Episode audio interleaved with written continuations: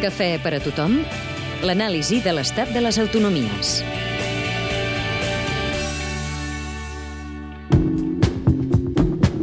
Astúries. Capital. Oviedo. Governa. El Partit Socialista amb el suport d'Esquerra Unida i UPyD. Població. 1.077.000 habitants. PIB per habitant. 21.976 euros, xifra per sota de la mitjana espanyola. Índex d'atur. 20,39%. Principal motor econòmic. La indústria.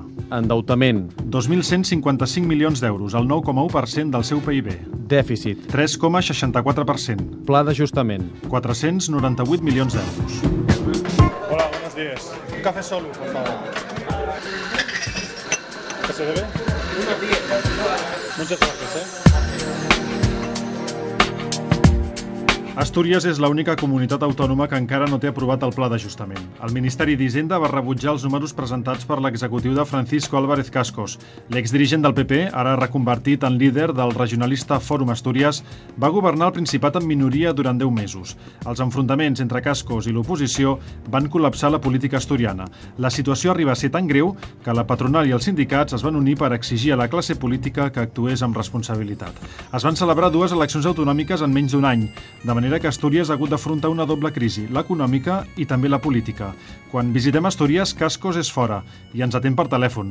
L'expresident de la comunitat ens presenta un escenari molt negre. Asturias presenta el mayor panorama de decadencia de cualquier comunidad autónoma española. Es la comunidad autónoma con la tasa de actividad más baja de España y es la única comunidad autónoma que en los últimos 10 años tiene la población estancada. Mesos enrere, en plena tempesta política amb Cascos, el govern espanyol va amenaçar amb intervenir l'economia asturiana. Asturias se la ha utilizado como cabeza de turco para intentar Antonio Pino, secretari general de Comissions Obreras para Asturias. De una manera grosera y asquerosa por parte de ese demagogo que se llama Cristóbal Montoro, que es ministro de Alsazón de Hacienda. ¿no? Estando mal, no somos de los que estamos peor ni en términos de déficit ni en términos de deuda. El nou executiu socialista ha començat a redreçar la situació amb mesures d'estalvi a l'administració. Planeja pujar impostos i també aplicar les retallades en sanitat i educació fixades per Rajoy. Vamos a tratar de tocar lo mínimo. Graciano no tocar, Torre, si conseller d'Economia. Parte de lo que se considera estado del bienestar. Seguir manteniendo una educación de calidad, lo mismo en la sanidad. No cumplir la ley es una insumisión. No vamos a ser insumisos. Nosotros somos gobierno y tenemos que ser responsables. L'atur és el problema més greu. Gairebé 100.000 asturians el pateixen, també el 53% dels joves. Les llistes de desocupats poden incrementar-se. Les conques mineres estan en peu de guerra. Des de fa un mes, les muntanyes asturianes són l'escenari de batalles campals entre miners i guàrdies civils.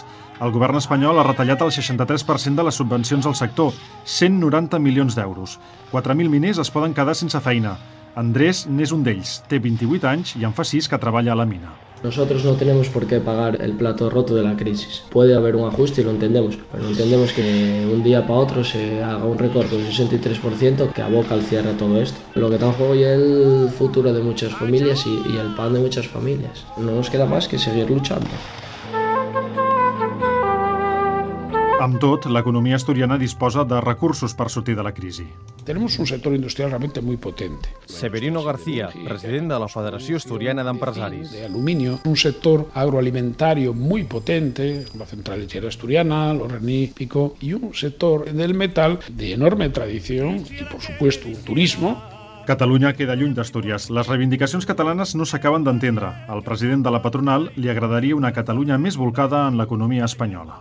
No se entiende que cuando estamos luchando por la integración de una unión política europea internamente, vayamos defendiendo unas autonomías o tal que creo que nos hemos dado un lujo. Porque si hablásemos de lo mío y hablásemos de la historia, mira que nosotros no tenemos para poder decir cosas. Y nos callamos.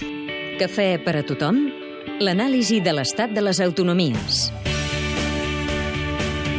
Una sèrie de reportatges dels serveis informatius de Catalunya Ràdio.